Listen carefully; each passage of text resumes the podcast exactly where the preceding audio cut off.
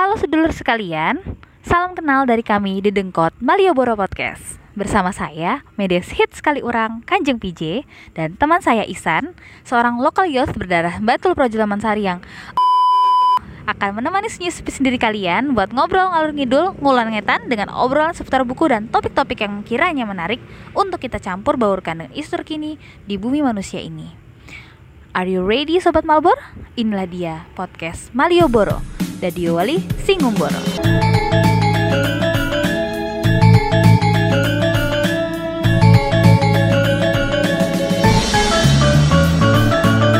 Halo Lur Apa ya?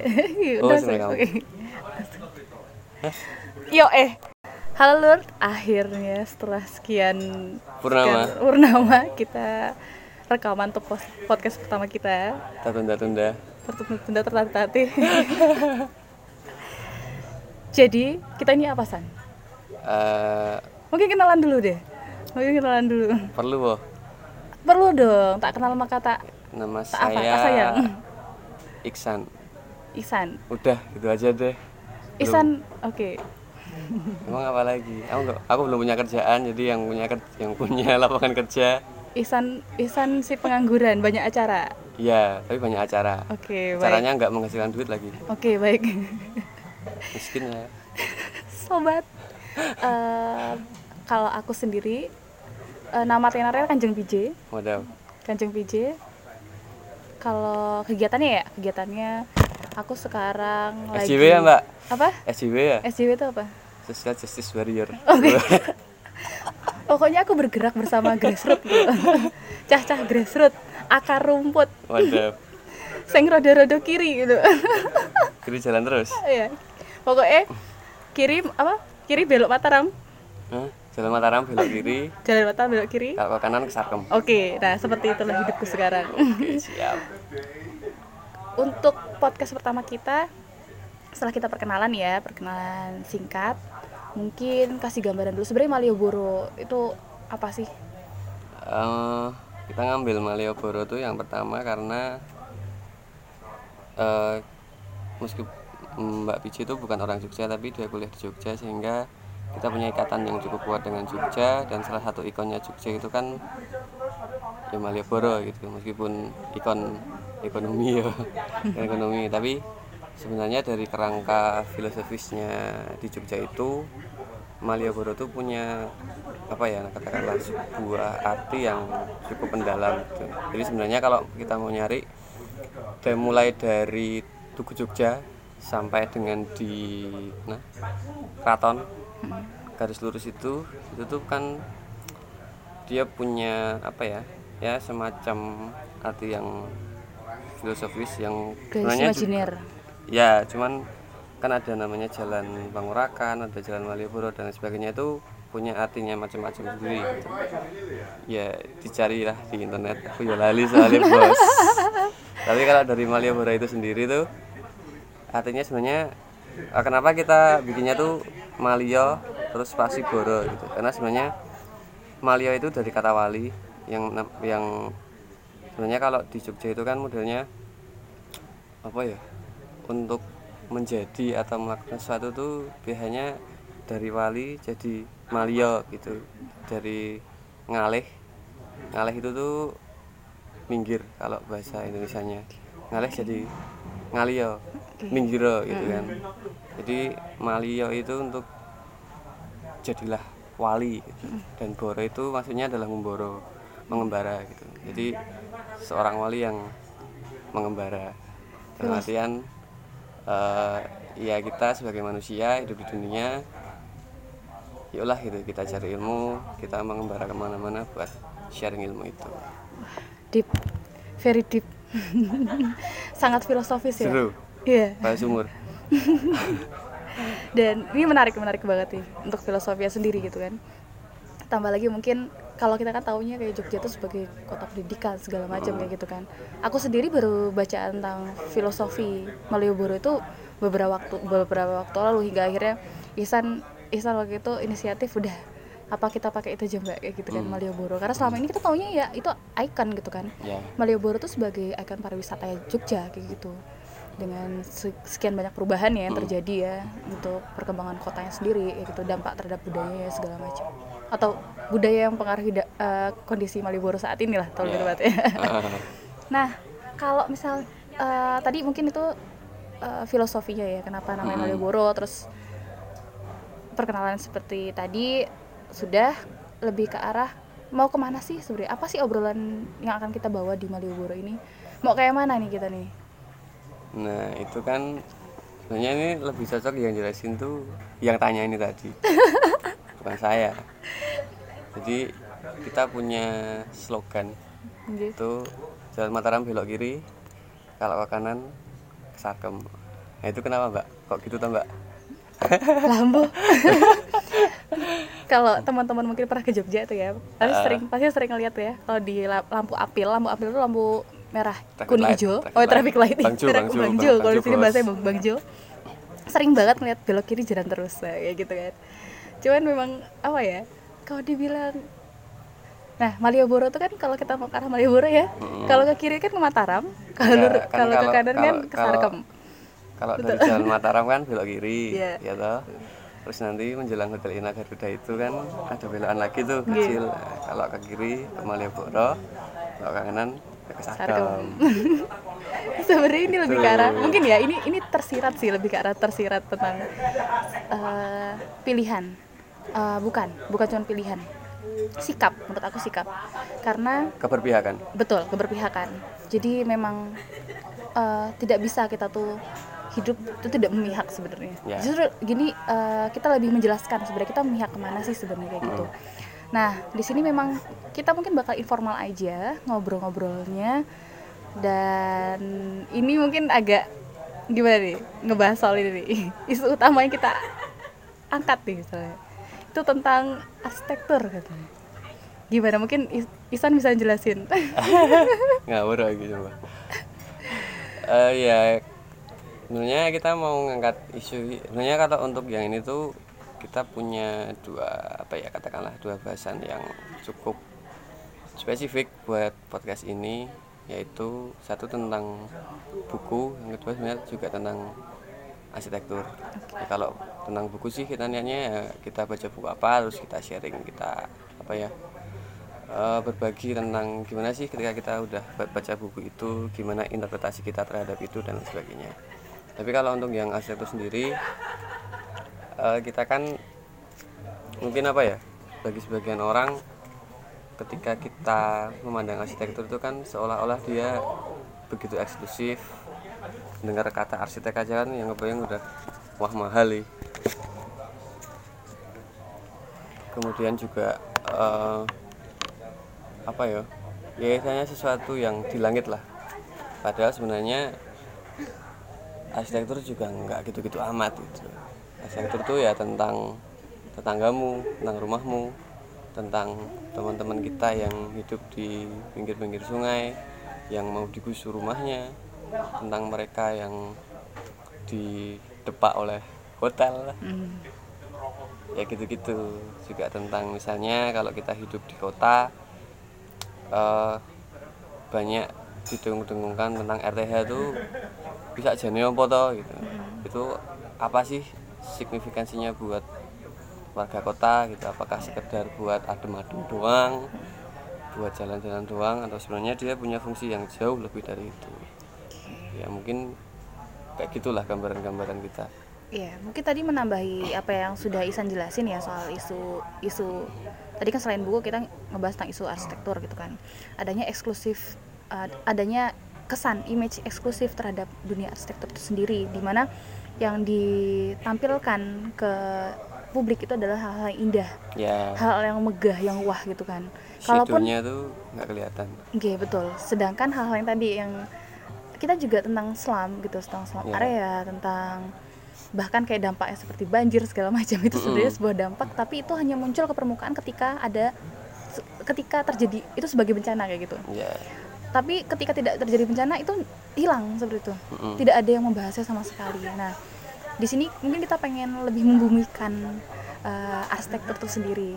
Sehingga uh, kami percaya bahwa arsitektur itu bukan sebuah sebuah sekedar sekedar produk tapi ini sebeda, eh, sebagai bagian dari eh, produk kebudayaan yang juga apa keterkait punya keterkaitan yang kuat terhadap setiap setiap detail kehidupan manusia. Ya heeh. makanya tadi Ihsan bilang ini tentang tentang rumahmu tentang dirimu tentang tanggamu tentang lingkungan lingkungan tempat tinggalmu lingkungan kerjamu itu semua terkait gitu loh. Karena karena itu belum belum banyak terekspos jadi kita tidak tahu kalau oh ternyata ini bagian dari arsitektur juga kayak ya gitu. Nah gitu. Intinya kita nyoba untuk mengungkap hal-hal yang ibaratnya apa ya ya hal-hal yang sifatnya sifatnya bayangan gitulah yang shadow itu loh hitam yang nggak kelihatan di permukaan. Ya kalau orang arsitektur sih tahu gitu. Cuman kan bagi orang-orang yang tidak berkecimpung di dunia di dunia arsitektur kan mungkin belum tahu. Padahal sebenarnya dia wajib tahu. Karena ya kita tiap hari hidup di dalam sebuah wadah yang namanya arsitektur ini toh kalau kita nggak tahu tentang itu juga iya dong? Ntar tiba-tiba banjir. Bingung loh. Tiba-tiba ambruk tiba-tiba digusur. ambruk, ya. tiba-tiba langsung turun ke jalan Nah, berkonfrontasi dengan konfrontasi. dengan ya dengan teman-teman yang seberang Ah, sana kayak gitu. hmm. tapi kita tidak tahu sebenarnya ah, sebenarnya kayak isu-isu itu sudah ada sejak lama. Tapi kenapa baru muncul ke permukaan ketika hamin satu hamin dua ya nah itu sangat disayangkan. Makanya kami rasa mungkin di sini kita mencoba untuk kalau aku nggak bisa bilang kita netral. Tadi seperti kita Tidak. berpihak. Kita sangat tidak netral. Kita sangat tidak netral. Kita Di sini duit kita- soalnya. Ayo investor gas. Apa? Bib Nina living. Nah, bisa bisa iklan di kami. Bisa lewat iklan di kami. Nanti kita endorse. DM di Instagram kita ya hei. Ya, nggak jadi belok kiri nanti kita belok kanan ke Sarkom aja kalau kayak gitu. Akan penak oke terus eh, mungkin untuk kalau untuk awal ini kita eh, belum belum ada tema khusus ya. Tapi kita punya gambaran-gambaran beberapa hal yang mungkin kita bakal bahas ke depan. Eh, seperti udah Isan bilang tadi ada tentang mungkin tentang tadi RTH kayaknya ruang terbuka hijau. Ya juga tentang nih nih ini yang paling sim, apa paling sering sering kita temui kayak gitu kan. Kayak tentang apa pemukiman situ tentang pemukiman tempat kita hidup. Rumah rumah. Pertetanggaan apa sih? Kampung neighborhood. kampung. Langkah, iya neighborhood. neighborhood nah, ini bahasa kerennya. Bahasa Jawanya itu. Kemudian eh, tentang di- tentang kondisi di kampung itu sendiri karena tadi R, RT RW dusun itu li- lingkup kecil ya? Lingkup komunitas terkecil dari dari kecil RT RT, RT. eh, dari dari dari dari keseluruhan kayak gitu loh. Ya secara apa ya? Meskipun semua keluarga sih memang. Balik lagi pertama keluarga dulu baru Ya, RT cuman secara Antar. secara komunal tuh Iya, paling secara komunal paling kecil kan RT komunal RT gitu. Gitu. karena memang contoh nih contoh nih San gimana nih soal kampung? Ini ini, ini spoiler spoiler. Kalau di kampung tuh kan ini contoh ya kayak di kampungku gitu. Dulu kan pas pasca gempa 2006 ya, ya kan aku termasuk korban gempa ya. Jadi rumah di sana hampir semuanya rubuh yang nggak rubuh cuman satu dua tiga rumah kayaknya. Di RT ku yang rumahnya nggak rubuh cuma tiga. Hmm, jadi ham- hampir semuanya ya? Ya semuanya rubuh. Mhm. rumahku yang nggak rubuh cuman bagian dapur. Karena itu bangunan baru yang lain rubuh semua. Iya. terus di situ kan eh ya mungkin ya karena itu konteksnya di Bantul masih di Jogja gitu eh, rasa gotong royongnya masih cukup kental. Jadi orang orang tua kami dulu aku masih kelas 4 SD waktu itu itu langsung inisiatif gitu untuk memberesin puing-puing rumahnya di apa kayak kayunya di dadeli kuda-kudanya di batu batanya yang masih utuh di Diambil juga ya. nanti buat bangun lagi daripada harus beli kan piye yo? Iya. ya untuk bangun rumah di dalam keadaan normal Oke. tanpa gempa aja mahal itu ya. ada istilah istilah kerennya tuh San istilah yang keren akhir-akhir ini Heeh. Itu namanya pilah pilih pulih. Nah untuk beberapa kok daerah P3 eh, Iya, sorry, eh, sorry. halo KPK jadi nangkep lagi dong OTT dong. hati-hati dicedok oke baiklah.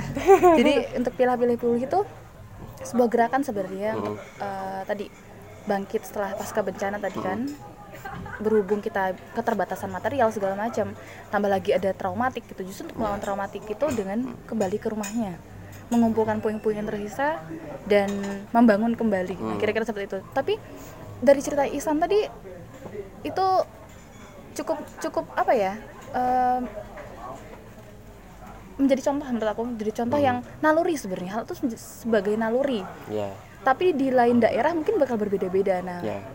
mungkin kayak tadi contoh tentang kehidupan gotong royong di kampung kemudian ketika tadi kamu kamu mungkin lanjutin cerita soal gotong royong tadi ya yang bangun rumah itu yang kamu bilang bareng-bareng? Oh iya ya kan akhirnya eh, mau nggak mau kan tetap harus kembali ke rumah ya. Dalam artian ada yang bilang bahwa ada yang kemudian untuk ke rumah tuh nggak nggak berani gitu kan karena trauma.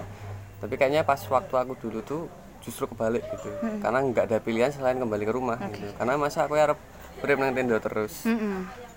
panas bos nek awan dan nek bengi kademen jadi siang di oven malam-malam masuk kulkas. Oke. Serius itu beneran ada jadi mau nggak mau kita harus bikin rumah yang agak semi permanen lah Iya, katakan paling nggak kalau istilahnya huntara lah gitu. ya sementara jadi ya udah hanya ke rumah dan mungkin waktu itu dilihat juga kan dari ke- keadaan masing-masing keluarga kiranya Iya. Di keluarga mana nih yang paling urgent buat rumahnya tuh didirikan lebih dulu gitu kan? Mungkin dia yang, yang punya anak banyak atau gimana? Ya udah tuh akhirnya gotong royong bareng-bareng sekampung. Bahkan itu sebelum datang relawan pun warga kampungku udah mulai eh, itu bikin rumah bareng-bareng. Sehingga dan itu kan juga sebenarnya ketika kita bikin rumah bareng-bareng itu kan membuat rumah-rumah yang dibikin katakanlah misalnya itu rumahku kan bukan bukan hanya menjadi milikku secara secara private gitu. Karena itu kan yang bangun juga tonggo-tonggoku toh. Sehingga rumah itu menjadi belong to everyone. Iya. jadi aku punya tanggung jawab nih untuk menjaga rumah ini. Ketika ada satu bagian yang tak rusak terus itu ketahuan yang dulu bikin nah kan tuh bisa jadi Iya, wih piye piye biyen oleh gaya angel ya," gitu kan. So tak rusak Iya. jadi dalam satu rumah tuh apa ya? Ya kayak semacam menjadi gambaran ini loh. Satu kampung tuh pernah bikin ini. Ketika ada yang rusak juga bisa tanya kan pimpinan siapa ya yang yang bikin di bagian ini? Oh si Pak A. Itu ya udah panggil aja itu Pak A. Nanti minta bantuan buat apa? Benerin itu. Dan dari cerita Ihsan itu aku tadi merenungi, merenungi. Eh, mengkaitkannya dengan beberapa hal sudah aku temui di lapangan sendiri kan soal tadi khususnya untuk pasca bencana ya tadi gotong royong. Memang untuk beberapa daerah itu lucu gitu beda, beda-beda memang. Ada yang memang itu menjadi bagian dari kehidupan dan menurut aku dengan kita membangun rumah, rumah tadi kan nggak lepas dari arsitektur juga ya. Rumah itu aku pribadi percaya bahwa arsitektur itu kan muncul khususnya kayak contoh contoh arsitektur tradisional itu muncul itu dari pembelajaran bertahun-tahun turun temurun oleh Iya. para pendahulu kita kayak gitu kan. Sehingga muncul seperti sekarang. Dan ketika terjadi gotong royong dalam membangun rumah artinya ada transfer ilmu. Ya ada transfer ilmu turun temurun lagi dari satu orang ke orang lain. Bisa aja yang bantu gotong royong itu nggak ngerti sebenarnya bangun rumah seperti apa. Ya tapi ada yang bapak-bapak yang udah biasa nukang. Ya nah sehingga di situ oh kayak tadi Isan bilang bapak itu yang bikin. Coba panggil dia lagi. Mm. ketika dia dipanggil bukan berarti dia aja yang mengerjakan tapi yang lain jadi ikut belajar. Iya. dan itu akan ilmu itu akan terus mengalir ke orang-orang lainnya gitu. Karena gotong royongnya tidak tidak berhenti di situ kayak gitu. Itu menarik menurut aku. Sangat menarik. Ya itu mungkin besok kita bahas lebih dalam di episode selanjutnya. Iya yang oke. kira-kira tuh kayak gitu gitulah Iya. apa yang mau kita ini spoilernya kebanyakan gak sih sebenarnya? Bahas. iya iya ini udah bisa satu episode. Soalnya kita sama-sama suka ngobrol. Jadi awal mula kenapa kita akhirnya bikin podcast itu karena kita tuh sama-sama suka baca. pertama suka membaca terus suka sharing-sharing terus kita ngobrol-ngobrol suka lupa waktu tuh. Nah nah jadi kayak yang kenapa nggak kita kita juga kadang ngerasa kayak kalau ngobrol rame itu enak gitu loh. Mm-mm. sebenarnya kita juga punya ini ya ada komunitas juga ya nih kita punya namanya ngerasani arsitektur. Baru ulang tahun nih. Ya kita baru ulang tahun kemarin tanggal 17 Oktober, alhamdulillah. Ulang tahun pertama. Iya, ulang tahun pertama. First anniversary. Itu forum yang diadain tiap bulan di kedai kopi nanti di Nanti sih, Lor UGM. Ada pameran loh, ada pameran nih. Ya masih ada pameran sampai tanggal 25 sampai Jumat. Di Jumat juga ada penutupannya. Kalau yang mau Silahkan, silahkan datang gratis datangnya tapi kopinya bayar. Heeh, nek es coklat ya bayar 12.500. Oke, Kelindahan pitulas setengah. oke. Itu udah larang jalan. Eh, Tapi ra apa. Ben rame. Iya, itu s- apa ya? Itu untuk pen- penyemangat kami sendiri sih, untuk dari komunitas kami ya. Mm-mm. Untuk penyemangat bahwa oh sudah satu tahun tuh kita ngapain aja sih kayak gitu refleksi, momen refleksi kita, momen refleksi dan misuh-misuh kita yang dipamerkan. Iya, kita punya zin. Misuhan, misuhan yang dipamerkan lewat zin, lewat poster-poster, poster-poster gitu. poster-poster kekinian. Kita nggak nggak teriak-teriak apa asu bajingan gitu tapi pakai tulisan. Oke. Elegan Dengan karya. sithik gitu loh. Mana karya Anda? Kayak kenal deh. Siapa ya? Hormat gerak. Begitu? Eh, mungkin kasih kasih kasih kasih apa nih spoiler juga judulnya judulnya untuk yang minggu depan Oh ini saya nggak di brief teman-teman, jadi saya nggak tahu judulnya apa. Apa ya apa judulnya? ya bahas apa lah ngono Yang- rasa-rasa judul judulan tapi ngebahas apa gitu ya apa ya? Apa ya? Apa ya? Apa ya? Kita mulai dari yang terdekat. Yang paling akrab di telinga kita. Apa mbak? Tadi. Aku tertarik sama ceritamu soal gotong royong tadi. Oh iya kita Kampung. akan bahas kampung. Kita akan bahas kampung. Gimana ya? selanjutnya kita Gimana? akan bahas kampung. Tentang kampung tentang gotong royong tentang tonggomu tentang Nah. bapakmu budemu. Nah kayak gitu. Dan juga kita kan punya akun akun media sosial di Instagram kita baru punya namanya @malioboro project jadi buat teman-teman yang mau apa tau ya bahasa karanya ini engage apa sih Anjing. ya istilahnya mau mau ngobrol-ngobrol sama kita boleh ke Instagram Iya. Instagram kita @malioboro project kemudian seandainya mau apa ya usul ide Ah, usul ide, ah, boleh Sangat banget, boleh banget. Silahkan. Atau eh, Mas Mbak, aku pengen melu ngobrol nih. Ayo gas wae gitu. Nanti Silakan, nanti atur jadi bintang tamu kita nanti. Ah, nanti kita atur waktunya, kita ketemu di mana. untuk sebenarnya untuk untuk kita sendiri mungkin teman-teman eh, perlu tahu juga kalau kita kita rekamannya sangat sangat apa sangat natural dan sangat informal. informal jadi kita memang nongkrong di mana aja ngopi-ngopi ngeteh-ngeteh Iya, yang Nah, penting agak sepi aja yang gitu. penting agak sepi terus juga kita ya Kita nggak punya mic yang mahal. Iya. Ini pinjem coy.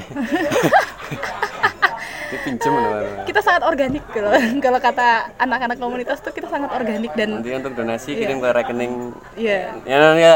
baru rekaman pertama sudah diduitin aja astagfirullahaladzim. Barang itu tok. Iya oke itu mungkin Oke mungkin itu dulu. gambarannya oh ya mungkin tadi satu lagi tambahan.